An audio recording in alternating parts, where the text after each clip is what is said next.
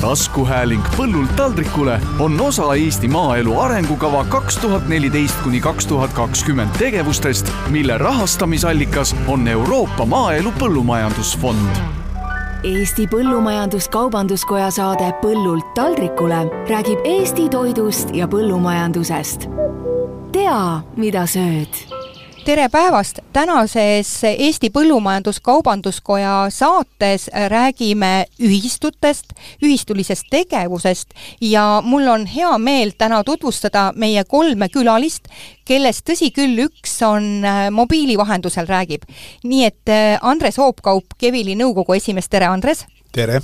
Tanel Taavi Pulitko, Eesti Tõuloomakasvatajate Ühistu juhatuse esimees, tere Tanel! tervist! ja läbi helipuldi räägib Tõnu Post, Saaremaa Piimaühistu nõukogu esimees ja ta on ka Saaremaa Piimatööstuse nõukogu esimees, tere Tõnu! tere! Ja mina olen saatejuht Juuli Nemvalts. võib-olla kõige alguseks olekski hea rääkida, et Põllumajandusuuringute Keskus tegi eelmisel aastal ühe uuringu nimetusega Ülevaade põllumajandustootjate tulundusühistutest Eestis ja nad tõid välja, et aastal kaks tuhat kakskümmend see koondab enda alla kaks tuhat kakssada viiskümmend üheksa põllumajandustootjat. selle suure numbri üle väga vist rõõmu ei saa tunda, sest et pooled, nelikümmend üheksa protsenti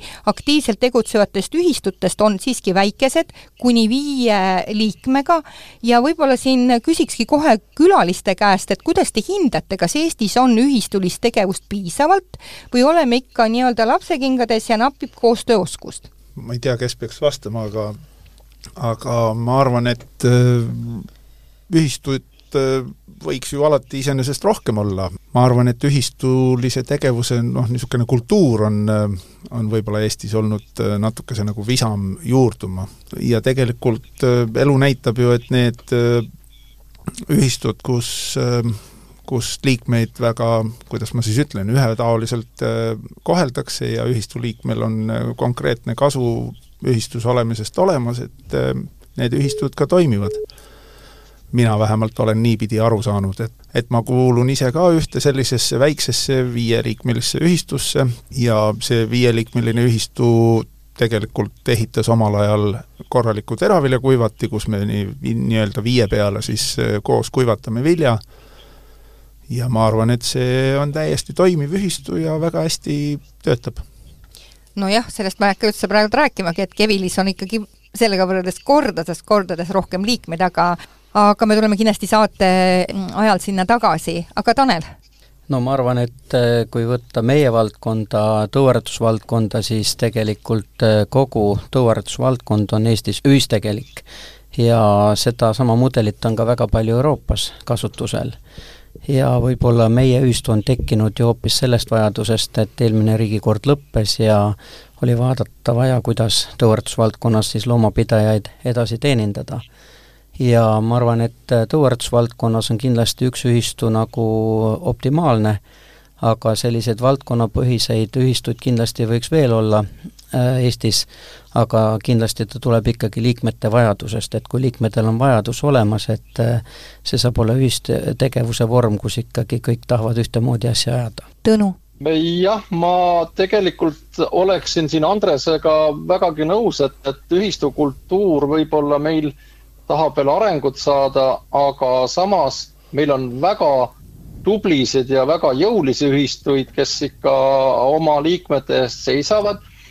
ja teisest küljest ei ole see ka võib-olla see suurus alati kõige tähtsam, et tõesti, nagu Andres tõi ka näite enda äh, kogemusest, et äh, ka väike selline viieliikmeline ühistu võib väga edukas olla, kui nendel on soov ajada ühist asja. nii et kindlasti ühistuline tegevus on praegu Eesti põllumajanduses, noh, minu hinnangul on ta väga vajalik ja nii nagu ikka, et osad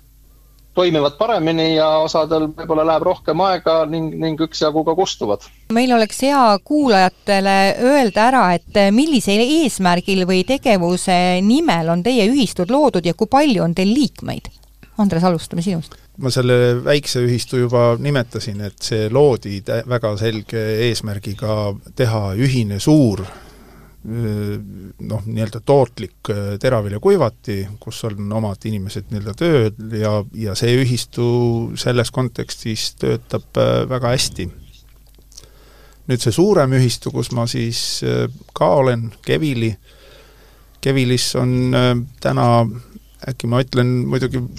ühe, üks või kaks liiget võib-olla on valesti, aga aga suurusjärgus sada kaheksakümmend üks või sada kaheksakümmend kaks liiget praegu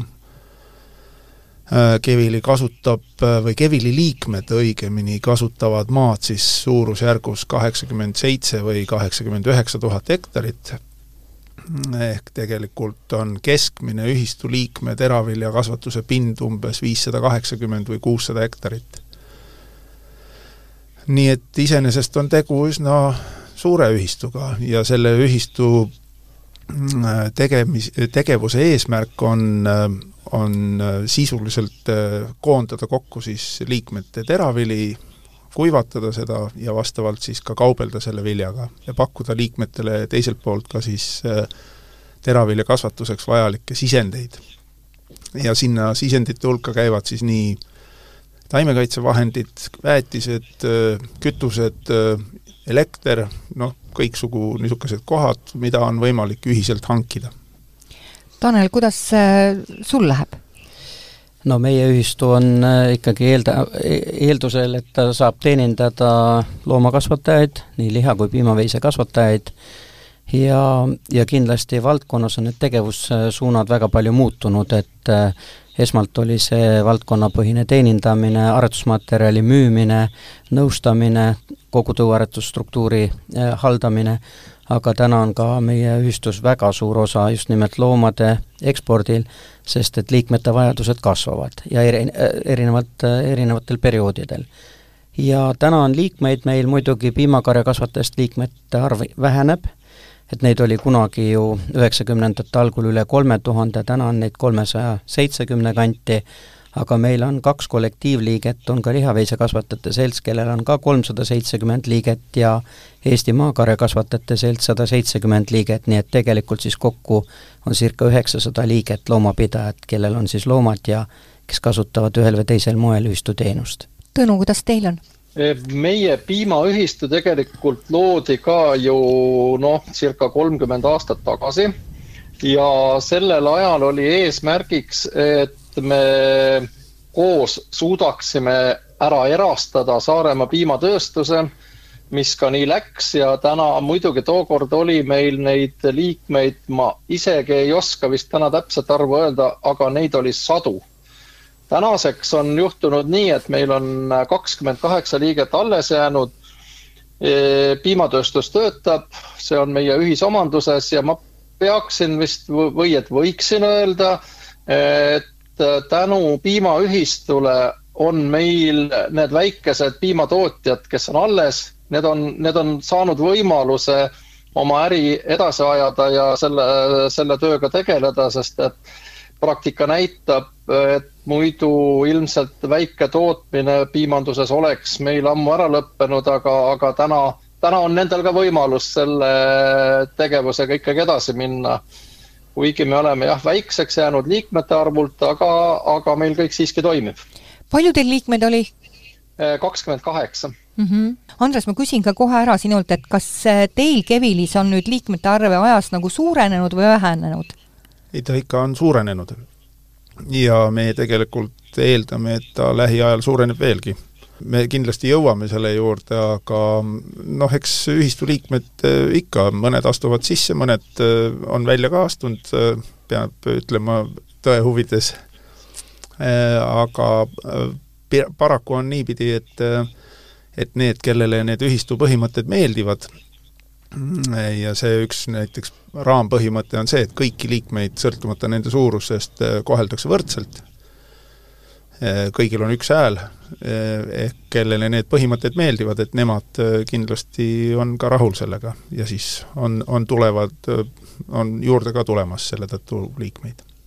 ja selles eelmainitud uuringus äh, räägitakse ka liikmete aktiivsusest ja need li-, äh, ühistud, kes siis vastasid selle küsimusele, äh, nad tõid välja sellise protsendi, et nad hindasid kuskilt seitsekümmend viis protsenti ühistu liikmeid osaleb aktiivselt. kuidas teie ühistutes on liikmete aktiivsus reguleeritud, et kui palju nad saavad siis panustada ühistegevusse või tegelikult tegeleb hoopis juhtkond selle tegevusega? Ja teised on nagu nii-öelda, käivad hääletamas? ühistul on ju oma nii-öelda struktuur, et äh, struktuuri nii-öelda tipus on, äh, on ühistu liikmete üldkoosolek,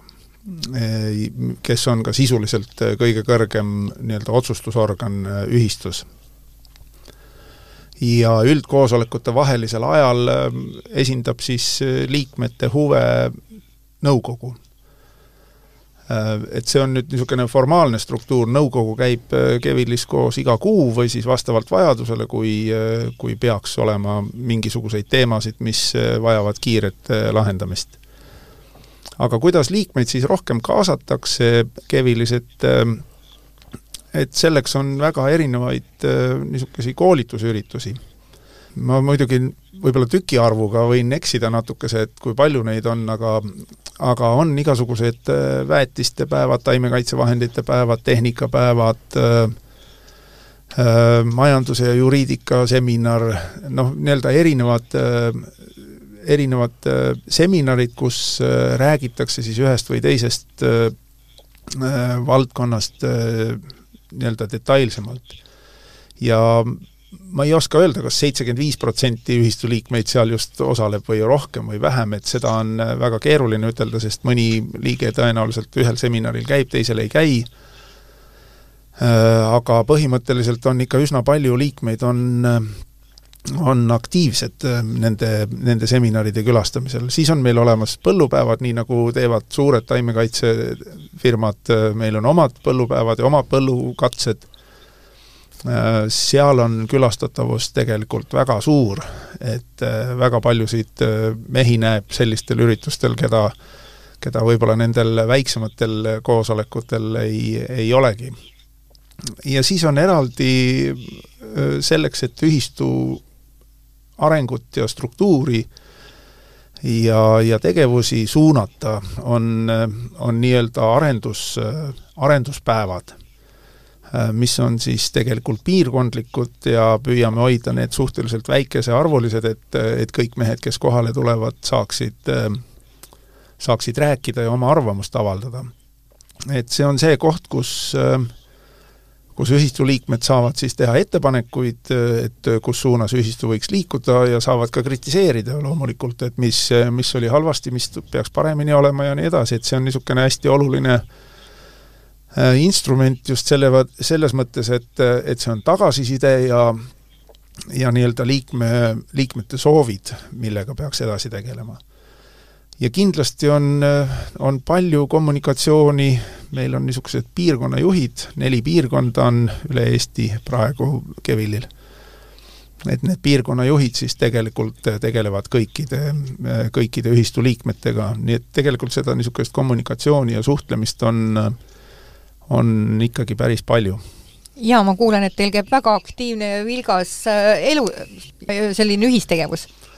no ma arvan, et sellele ei saa päris äh, niisugust ühistegevuse silti külge panna, noh, nii, niisugust suurt lippu, et nüüd me kõik koos ja nii edasi, aga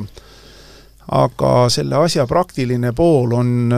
on see, et ühistu püüab oma liikmeid järjest nii-öelda koolitada ja järgi aidata ja ma jätsin paar asja nimetamata, et, et Kevilil on näiteks äh, ka niisugune mm, äh, kuidas ma seda ütlen, tsentraliseeritud äh, agronoomi teenus, et Kevili agronoomid on, on tuntud üle Eesti, et nemad tegelikult sõidavad siis mööda Eestit liikmete juurest käivad nii-öelda läbi, arutatakse läbi, mida seal parasjagu näha on, tehakse soovitusi ja nii edasi, et see on niisugune hästi suur osa Äh, veel kommunikatsioonist, mida siis ühistu pakub oma liikmetele. ja siis on äh, niisuguseid informaalseid asju, et näiteks äh, Kevili liikmetel on Whatsappi niisugused erinevad, erinevad listid või nimekirjad, kus siis üks liige teisele jagab äh, üsna vabalt ja lahtise tekstiga nii-öelda soovitusi või, või kogemusi. et see kõik tekitab niisuguse väga tõsise niisuguse meie tunde, et kui keegi ütleb, et äh, noh, ma ei tea, mis iganes, et, et kus kohas õnnestub äh, traktori velgesid sirutada näiteks või, või radiaatorit parandada, et ja et kas kellelgi on soovitusi, siis sealt tuleb kohe nii, nagu varrukast, et ei ole ütleme siis niipidi, et infotelefonile helistamine oleks nagu palju keerulisem kui Whatsappis küsida. kõigele lisaks on siis, Kevili organiseerib ka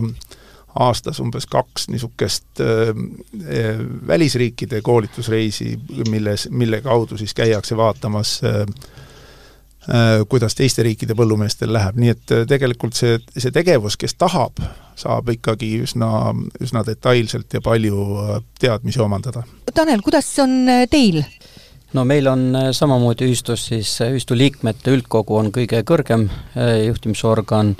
Eh, koosolekute vahelisel perioodil, kui ei ole vajadust üldkoosolekut kokku kutsuda, kuna meil on suure liikmeskonnaga ühistu, siis on olemas ka volinike kogu, siis on nõukogu ja juhatus. ja tegevusvaldkondasid on meil päris palju, nii et erinevad ühistu liikmed kasutavad erinevaid valdkondasid, osad ka kindlasti kõiki meie pakutud teenuseid ja meil samamoodi on igas piirkonnas oma inimesed, kes teenindavad meie liikmed ja liikmed saavad alati otse ja kõige informatiivsema ja kiirema info vahetada just nendele spetsialistidele, kes meie piirkondades on.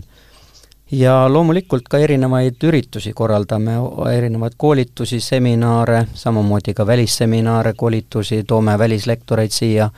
nii et eh, kui ühistu liige tahab olla aktiivne, kindlasti tal neid võimalusi on päris palju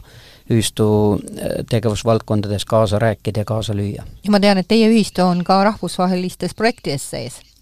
jah, kindlasti, et äh, selles suhtes on see kindlasti nii ühistu liikmetele, ühistule tervikuna abi,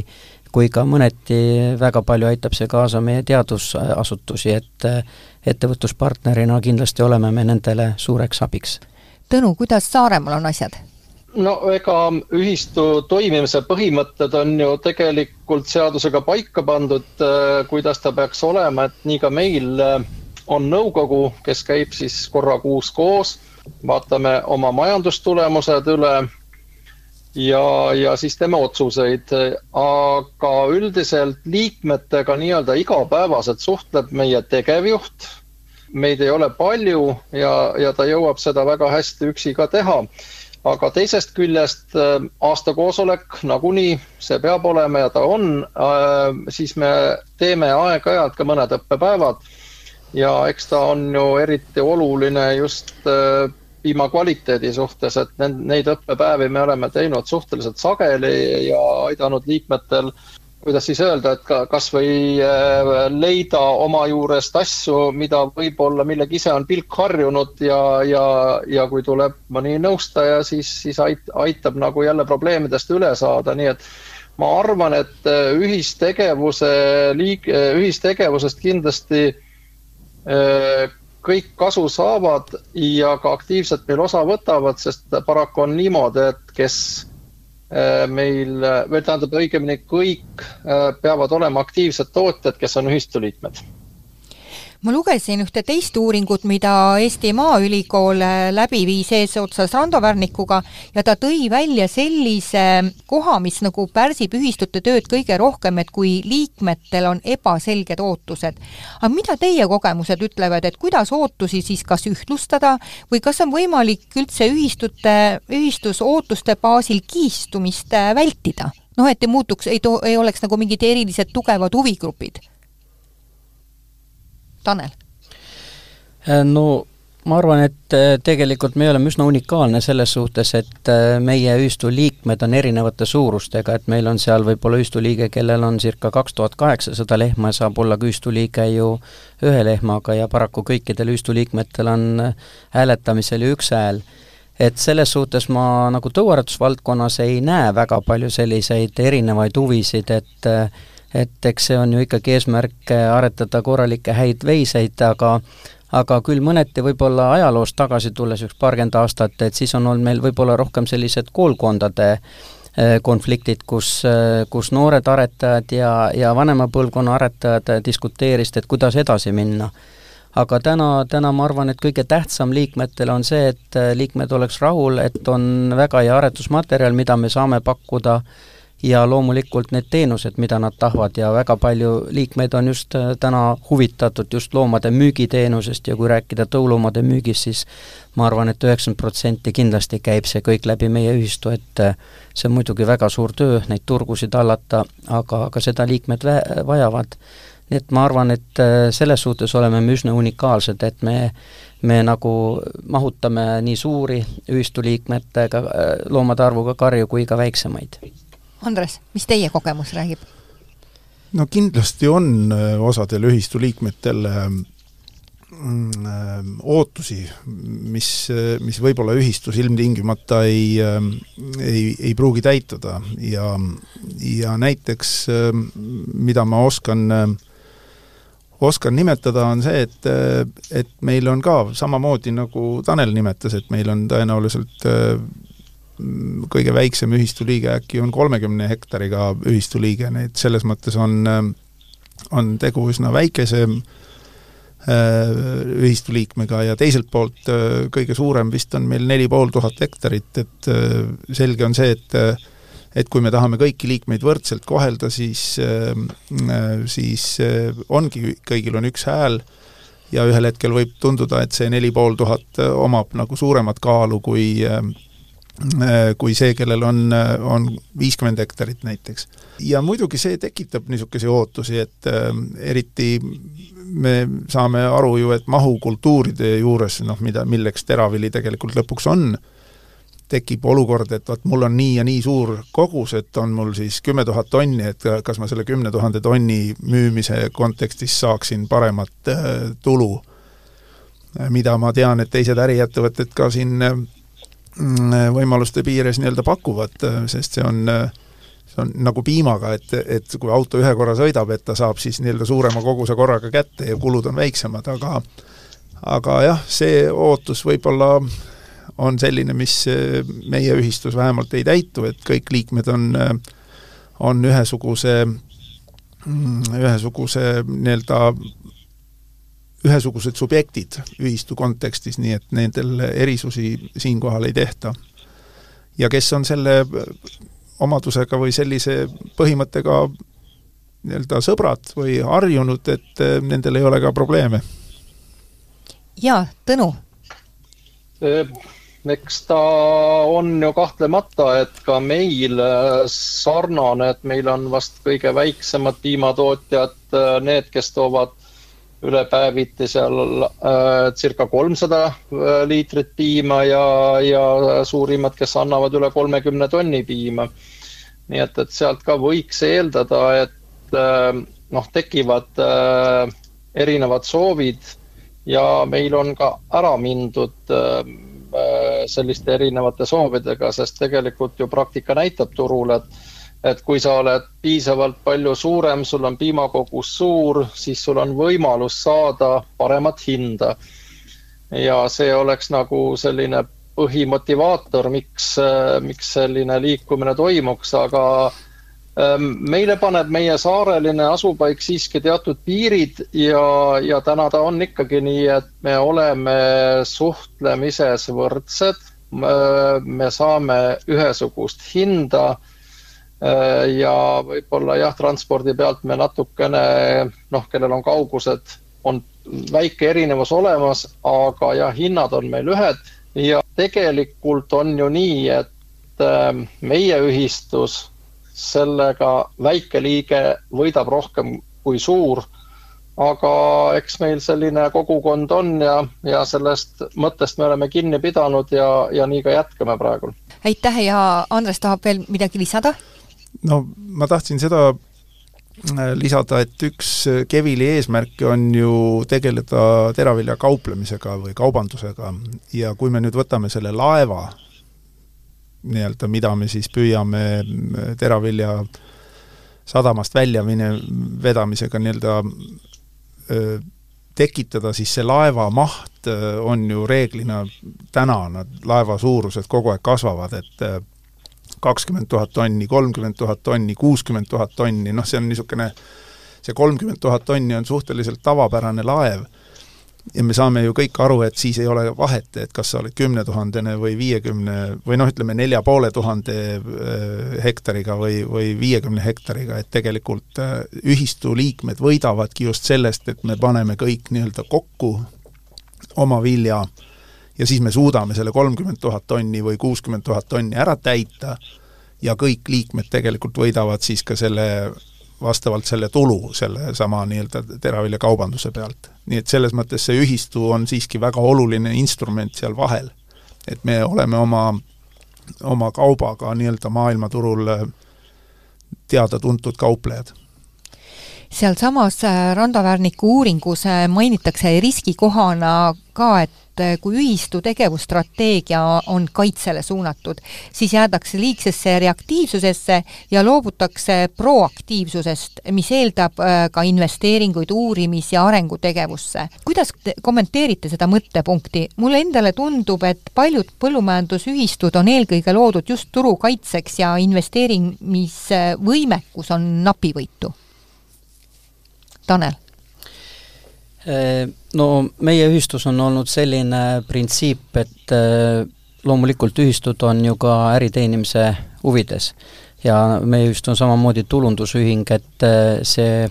kasum, mis majandusaasta jooksul teenitakse, et see üldiselt jääbki siis äh, eelolevate per-, perioodide investeeringuteks, et meil ei ole olnud sellist aega, kus äh, ühistu liikmetelt äh, tahetakse täiendavat kapitali, mingit äh, mahukat investeeringuid teha, loomulikult investeeringuid on vaja teha ja, ja vastavalt loomapidajatele, vastavalt meie liikmete vajadustele, siin alles rääkisime ka mõningatest piirangutest Euroopas äh, transpordi suunal, mis võivad loomade veole ees oodata. Et tõenäoliselt sellised asjad vajavad ka suuremaid investeeringuid tulevikus, nii et äh, meie ühistu liikmed on jah, otsustanud üldjuhul niimoodi, et investeeringud tehakse siis ühistu omavahenditest, mida teenitakse jooksvalt ja ühistu liikmetele nagu eraldi majanda, majandusaasta jooksul kogutud äh, kasumit välja ei jaotata. Tõnu, kuidas teil on? Äh, meil on ta nii, et kahtlemata investeerimisvõimekus võib tihtipeale olla napivõitu. aga pigem vist sellest, et äh, me oleme suhteliselt väike piimatööstus või meil on väike piimatööstus ja äh,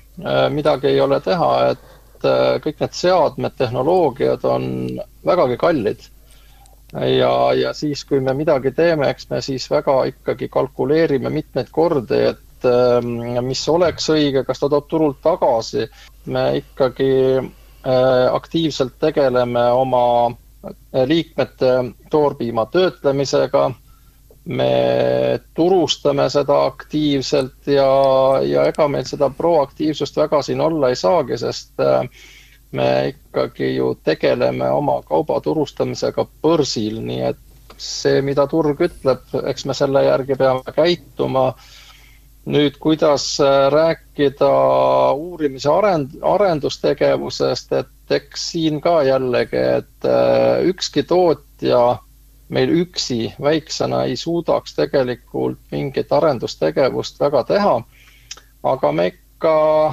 nii-öelda koos ühistulise vormiga siis aeg-ajalt püüame ikkagi uute asjadega ka välja tulla, ehk et me samm-sammult oma toodet ikkagi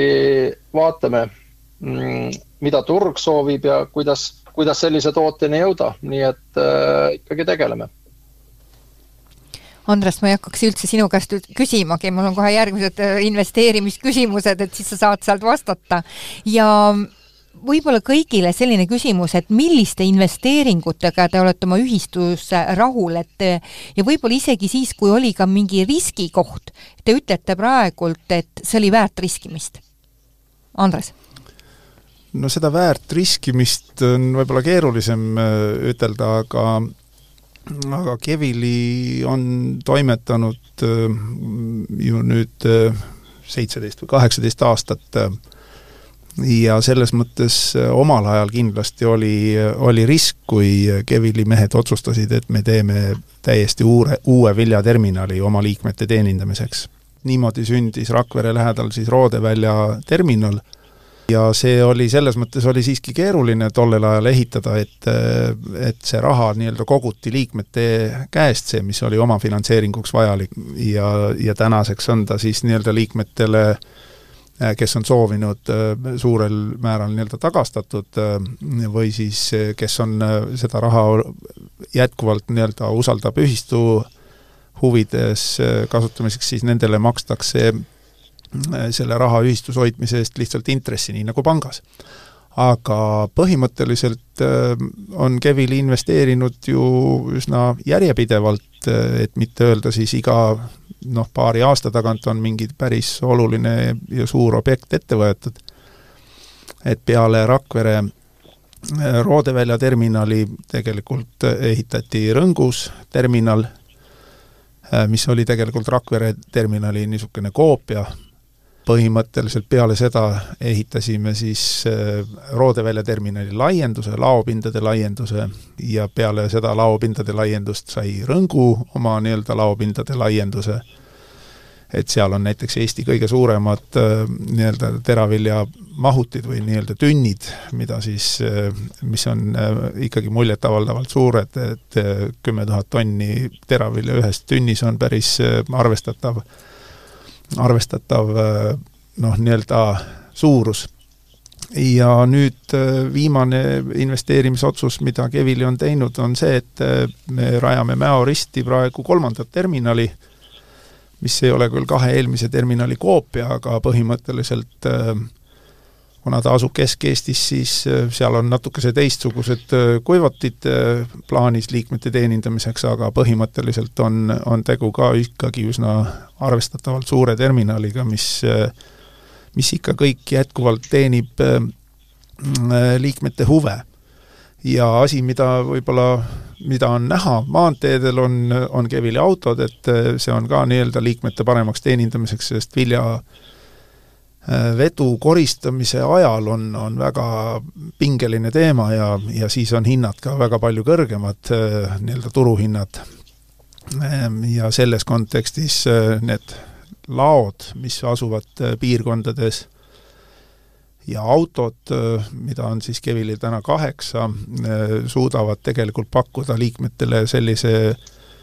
paindlikkuse, et see teravili nende juurest saab ära viidud ja, ja talvel on aega seda siis näiteks Rõngust või Roodeväljalt sadamasse vedada küll ja küll. nii et lõpuks on ikkagi tegu nii-öelda majandusühistuga, et, et kindlasti on ühistu huvi Äh, noh, mitte otseselt kasumit teenida, et äh, tegelikult on, äh, on liikme huvides see, et ühistu ei teeniks väga palju kasumit liikme arvelt. Aga väike kasum peab olema selleks, et, et oma laenusid teenindada, nii et investeeritud on nüüd juba ikkagi ilma liikmete abita, omakapitali on teenitud piisavalt ja ja Kevile laieneb. Tanel, kuidas teil on? no meie tegeleme ju väga palju ka elusloomadega, et äh, kõik sellest heaolust tulenevalt on kindlasti väga suured olnud investeeringud just farmihoonetesse, farmitehnoloogiatesse, näiteks sellel aastal me ostsime Kanadast ühe sellise seadme, mis on väga aktuaalne, kus saab siis sööda efektiivsust äh, hinnata loomadel, äh, väga palju on ka investeeringuid teadus-arendustegevustesse, Äh, kindlasti on oluline ja palju oleme investeerinud ka oma bioloogilise aretusmaterjali tootmise laborisse, mis on meie põhitoodang, ja viimaste aastate ikkagi kõige suurem investeering kindlasti on olnud äh, meie elusveiste kogumiskeskus või ütleme siis niimoodi, et ekspordikeskus, kus äh, Äh, on ülioluline funktsioon just sellel, et me saaksime oma äh, loomi siis Eestist kolmandatesse riikidesse ka eksportida, et täna nagu ilma selleta ei kujutaks ettegi seda ekspordivõimekust, et need on nagu põhilisemad. Tõnu, kuidas teil ühistus on? iga investeerimine on ikka mingit riski ju omas, omas ka kätkeb, aga aga me ka ikka igal aastal vast püüame me investeerida, sest äh, kui sa ei investeeri, siis tähendab ju tegelikult äh, tagurpidi minekut, nii et tõsi, suuri, väga noh, selliseid suuri jõulisi investeeringuid ei saa igal aastal teha. Küll aga jah, me siin, kui, kui üks investeering on eest ära makstud, siis me mõtleme juba kindlasti järgmise peale. nii et ähm, lisakapitali me see, oma liikmete käest ei küsi, me peame selle nagu tööstusega ise ära teenima. ja, ja siis saamegi investeerida, nii et äh, investeering on siiski areng, nii et, et sellest äh,, sellega tuleb alati tegeleda, et muidu, muidu sellel turul ellu lihtsalt ei saa jääda. Milline, Tõnu, sul tundub nagu, et see, et märgiline investeering, mida sa tahaksid näiteks praegu välja tuua? nojah, mõned ma isegi nüüd ei ütle täpset aastaarvu, aga oli see siis vist neli aastat tagasi tegelikult, kui me panime üles oma kolmanda juustukatla, panime sinna uued eelpressid ja seoses sellega, et kui vanal eel e,, vanadel eelpressidel oli meil probleeme äh, juustupaki äh, gabariitidega, eriti kui me müüsime teda Euroopasse, siis tihtipeale ta ei äh,, ei vastanud standarditele, siis äh, see uus investeering tegelikult andis meile selle, et et kui me nüüd viime oma toodet eksporti, siis meil ei tule mingit mahaarvestust, kuna ta on väga täpses mõõdus ja sobib äh, ostjatele. nii et see kindlasti on meie jaoks üks väga oluline investeering, mille me tegime ja kuna me oleme, omame juustutööstust just nimelt, siis see ka kolmas katel sealjuures laseb meil seda tootmist palju äh, äh sujuvamalt äh, teha kui üldse investeeringutest äh, rääkida, siis äh, tuleks ju kohe ära täpsustada, et kas pangad armastavad teid. kui keeruline on investeeringute jaoks äh, finantseeringut leida, Andres? ma ei tea, kas nad armastavad, aga, aga vähemalt nad ei ole meid kuidagi hammustanud. et võib-olla kõige keerulisem kõikide nende niisuguste äh, ühistuliste investeeringute juures on, on see omakapitali nii-öelda selle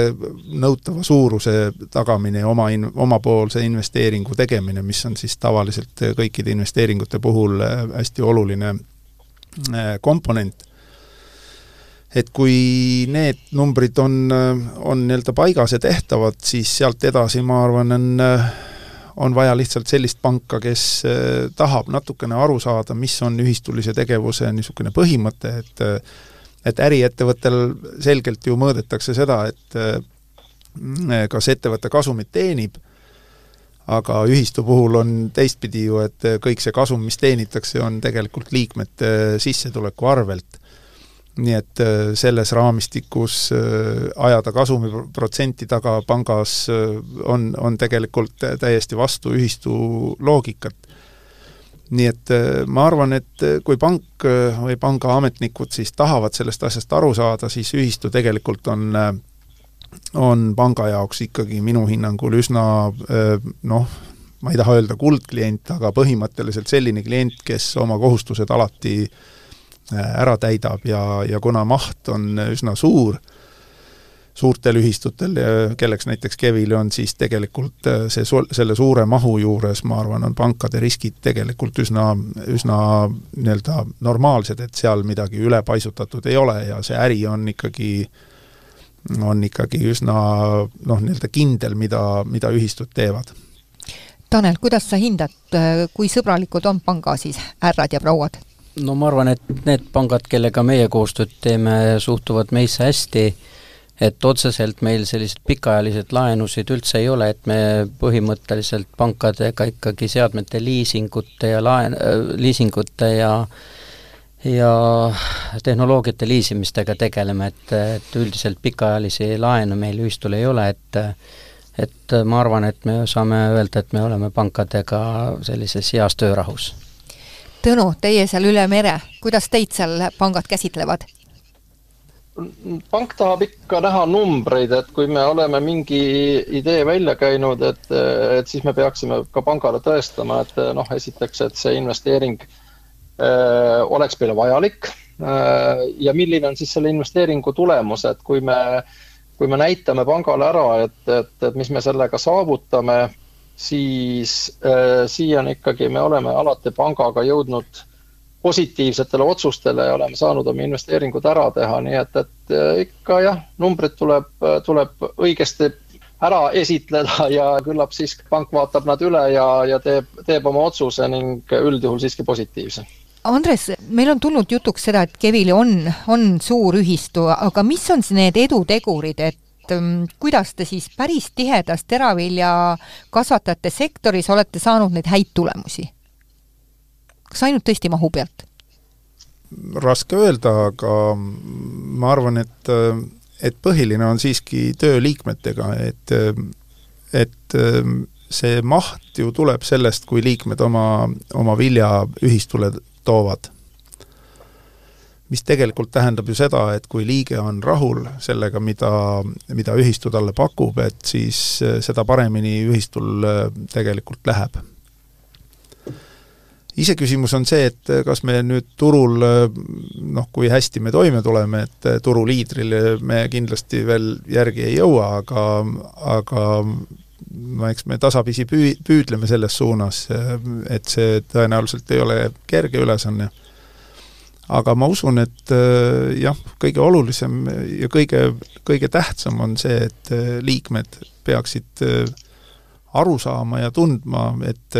nende eest hoolitsetakse, et nende huvisid kaitstakse kogu aeg ja igal pool. ja noh, ei, ei taha seda lauset nii-öelda ütelda, aga et et liikmed toetavad ka noh, nii-öelda üksteist äh, või teineteist seal järjest, et äh, mul tuli meelde see nii-öelda venelaste lause, et äh, omasid ei jäeta maha, nii et et see, see oli see koht, kus ma natukese kokutasin, kuigi see põhimõte, ma arvan, meie ühistus täiesti selgelt kehtib sa ütlesid ennem ka varasemalt, et kaks viljaterminali ei ole piisav Kevili jaoks ja te plaanitsete nüüd kolmandat ehitada, aga üldse, millised on praegult need kasvuplaanid, et kui me räägime, et või üldiselt annavad pankade ökonomistid teada, et ei ole hea aasta ja ei ole, ka järgmine aasta tuleb võib-olla selline majandus, kehva majanduskasvuga, et võib-olla on hoopis targem mitte kasvada vot ma ei tea, ma tegelikult arvan, et Eesti valitsuse liikmed võiksid natukese vaadata, et millest äh, Eesti Vabariigi ekspordi äh, tulud nii-öelda tekivad ja kui ma järgi mõtlen, siis põllumajandussektor on äh, teisel kohal. et põllumajandussektorist eespool on ainult elektri- ja elektroonikatööstus, no mida me võime ju arvata, et kes seal need tähtsad tööstusharud on, et tegelikult kui me nagu tervet Eesti majandust vaatame, siis põllumajandussektor on Eesti Vabariigile üks ikkagi väga oluline ja tähtis äh, sektor tervikuna. selles raamis ma arvan, äh, tasub igal juhul vaadata, et me ei, ei kahaneks, et me pigem peaksime ikkagi kasvama. aga noh, ega siis äh, kui ma käisin keskkoolis, siis ma mäletan, et ajalooõpetaja ütles niisuguse lause, et kui ta erinevaid sõdasid äh, nii-öelda kirjeldas, et tema ütles niisuguse lause, et maailm on jagatud ja pidevalt toimub ümberjagamise protsess. siis tegelikult äris ma arvan, et on täpselt samasugused põhimõtted, et äh, ärivaldkonnad on jagatud, aga pidevalt toimub ümberjagamise protsess, et äh, kindlasti me tahame olla kohal, kui midagi jagatakse, nii et selles kontekstis Kevili hoiab silmad-kõrvad lahti Tõnu, eh, sinul ju teil seal Saaremaal on eh, mõnes mõttes väga unikaalne olukord, et ühest küljest teil piimakarjakasvatajaid ju naljalt juurde ei tule, ma ei ole kuulnud, et keegi tahaks sinna oma suurt farmi asutada, ja, ja ometi siis ka see Saaremaa piimaühistu on ju tegelikult selle tooraine andja siis ju piimatööstusele. et eh, see, kui palju siis üldse veel see piimatööstus ise saaks nagu kasvada või areneda või ta on ikkagi nii selle piimaühistu nagu üks osa? me valdavalt jah, peame arvestama sellega, selle tootega või, või toorpiimaga, mis meil siit oma liikmete käest tuleb ja tõesti, et ega meil äh, liikmeid juurde ei teki, et see on valdkond, äh, kus piima tootmine on ju tegelikult hästi kapitalimahukas ja ja kõik need tänased tootjad on ju läbi aegade pika arenguga olnud ja, ja paraku ta on nii, et meil tõesti piime, ühistu liikmeid aja jooksul vaikselt jääb vähemaks ja, ja päästab see, et meil on suurtootjad, kes seda auku siiski suudavad täna veel täita ja, ja oma tootmist nagu kas, kas natukene suurendavad Äh, loomade arvuga või üldse piima sellise väljalüpsiga suurendavad, nii et me oleme suht äh, stabiilse koguse juures ja tõsi, me aeg-ajalt äh, ostame ka mandritpiima juurde, aga see ei ole majanduslikult tihtipeale mõttekas, et tuua see toore saarele, siin töödelda ja siis jälle välja viia, nii et meil on oma suurusel on siiski piirid ees ma tahtsingi just küsida, et kui palju te Hiiumaa poole vaatate, aga vist ei vaata? vaatame ikka, et äh, täna on nii, et äh, pool Hiiumaa piima umbes tuleb Saaremaale ja teine Aha. pool läheb e-piima aitäh, Tõnu! ma küsin ka Tanel Taavi käest, et Eesti tõuloomakasvatajad pidasid ju kolmekümnendat tegevusjuubelit, et kui palju äh, on ise ühistu rahul tõuloomade kvaliteedi näitajatega? ma ju tean, et pidev töö käib, aga kui sa nüüd vaatad seda maailma kuidagi mastaape mm? -hmm no kolmekümne aasta jooksul on kindlasti olnud väga tugev areng, et kui me teame, et Eestis on ju üleüldine loomade arv ja rääkimata piimaveiste arvust eh, üsna tagasihoidlik võrreldes Euroopa Liidu teiste riik, liikmesriikidega, eh, siis tõenäoliselt, kui sa oled väike, siis sa pead olema millegagi väga hea, et kui meil on näiteks Euroopas circa kakskümmend üks miljonit piimaveist, siis meie piimalehmade populatsioon on seal vast null koma neli protsenti vaid. Aga, aga tõsi on see, et äh, kui mõõteriistaks oleks see piimakilo, siis me oleme olnud siin viimased viis aastat Taaniga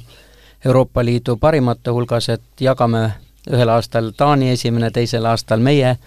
ja nii me positsioneerime, nii et tegelikult Euroopa Liidus on jah, kaks liikmesriiki, Eesti ja Taani, kus üldse keskmine statistiline piimatoodang lehma kohta on üle kümne tuhande.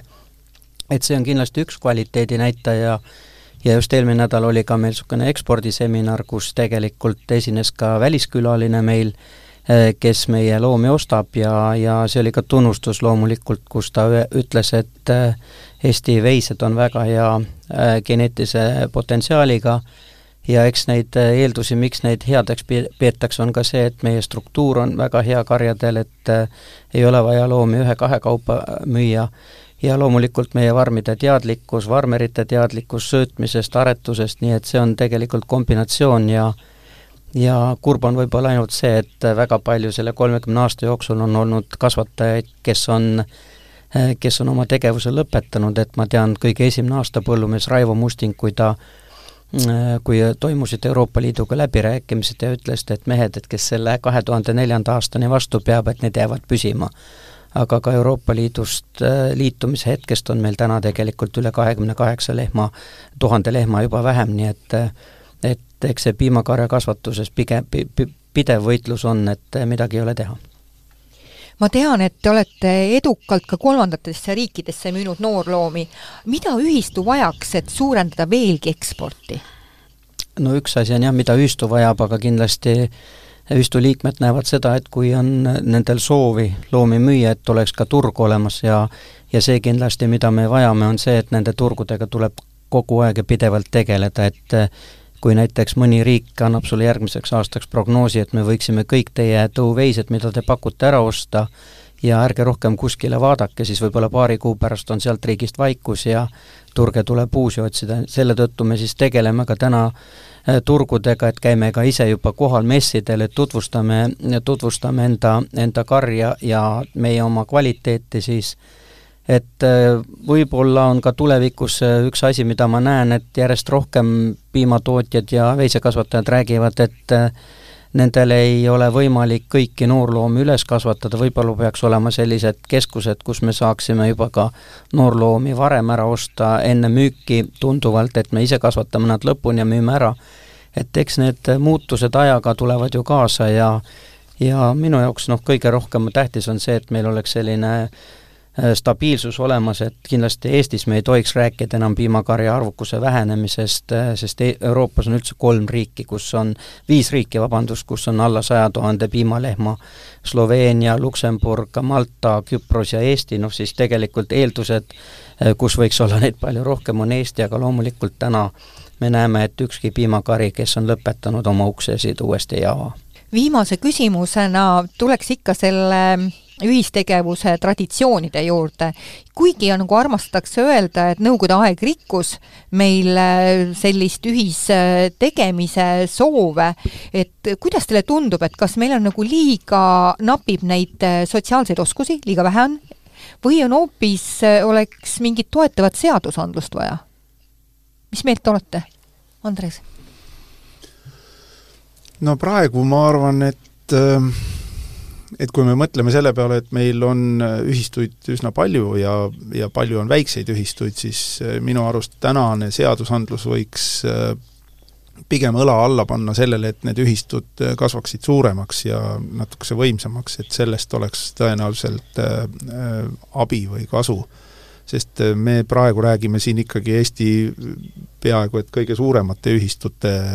ühistutega ju noh e-piim on ka ühistuline, aga põhimõtteliselt äh, sealt edasi tulevadki ju väiksed, et tegelikult meil võiks see ol-, see ühistuline maastik võiks olla palju, palju kirjum. nüüd ähm, ma arvan siiski, et äh, no mulle tundub, et eestlased ei ole niisugused, äh, kuidas ma siis ütlen, enesekiitjad äh, nii väga, et äh, keegi meist ei käi väga niimoodi rääkimas, et mis meie saavutused nüüd nii väga on, et et võib-olla natuke see, need potentsiaalsed ühistu liikmed peaksid natukese ise rohkem huvi tundma et äh, sellest huvist hakkab, äh,